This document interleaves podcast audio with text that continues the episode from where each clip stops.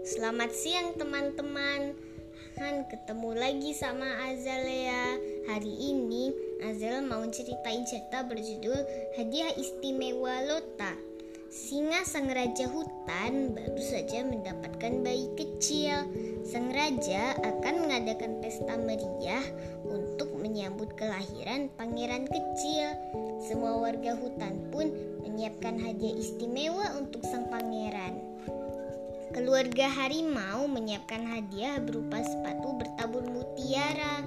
Sepatu indah itu pasti cocok sekali dipakai sang pangeran.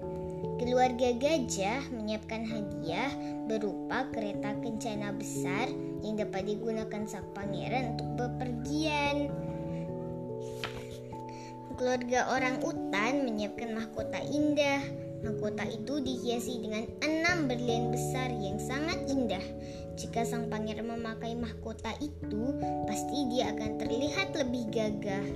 Semua warga hutan berlomba-lomba memamerkan hadiah yang mereka persiapkan untuk sang pangeran. Semua hadiah itu mewah dan tentu saja indah. Aku juga ingin memberikan hadiah untuk sang pangeran yang baru lahir, tapi Lota, hadiah apa yang mau kita berikan? Kita tidak punya hadiah indah untuk sang pangeran, keluh mama. Memang keluargaku, keluarga Kijang, bukanlah keluarga yang berada. Satu-satunya barang mewah yang kami miliki hanyalah kalung perak mama. Kalung itu adalah kalung warisan dari almarhum nenek. Kami tidak mungkin memberikan kalung itu kepada sang pangeran. Tapi aku sungguh ingin memberikan sesuatu kepada sang pangeran. Seharian aku mulai berpikir keras. Aku masih tak berpikir sampai saat tidur malam tiba. Saat bangun pagi, tiba-tiba aku mendapatkan sebuah ide. Aku sudah tahu apa yang akan aku berikan kepada sang pangeran kecil. Aku bergegas mencari daun-daun. Aku juga mengumpulkan ranting-ranting dan biji-biji. Aku pergi ke istana dan meminta bulu-bulu singa yang terlepas dari tubuh mereka. Untuk apa semua ini, Lota? Tanya papa saat aku mulai bekerja. Aku akan membuat sebuah boneka untuk sang pangeran, jawabku dengan lantang. Aku berusaha membuat sebuah boneka singa kecil. Ranting-ranting kususun menjadi kerangka. Di dalam, aku masukkan biji-biji kecil agar boneka ini dapat berbunyi saat digoyang-goyangkan. Kemudian aku menutupi semuanya dengan bulu. Binatang lain menertawai hadiahku.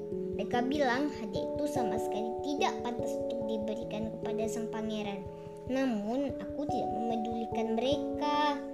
Raja dan permaisuri duduk di singgah sana. Sang pangeran duduk di pangkuan permaisuri dan para warga membentuk antrean yang sangat panjang untuk memberikan hadiah mereka. Walaupun lelah, aku menunggu dengan sabar. Beberapa warga masih menertawai hadiah yang kubawa. Tapi lagi-lagi aku tidak memedulikan mereka. Saat giliranku hampir tiba, tahu-tahu sang pangeran menangis kencang. Mungkin dia lelah dan bosan. Raja hutan, permaisuri, dan dayang-dayang berusaha menenangkannya, tapi tangisannya malah bertambah kencang. Aku mengeluarkan boneka hadiahku dan menggoyangkannya. Bunyi gemericing boneka berhasil menenangkan sang pangeran. Dia memeluk erat boneka singa buatanku. Sang, pang, sang raja dan permaisuri berterima kasih kepadaku. Aku senang sekali. Ternyata boneka singa pemberian Aku adalah hadiah yang paling tepat untuk bayi kerajaan yang baru lahir itu. Nah, begitulah ceritanya.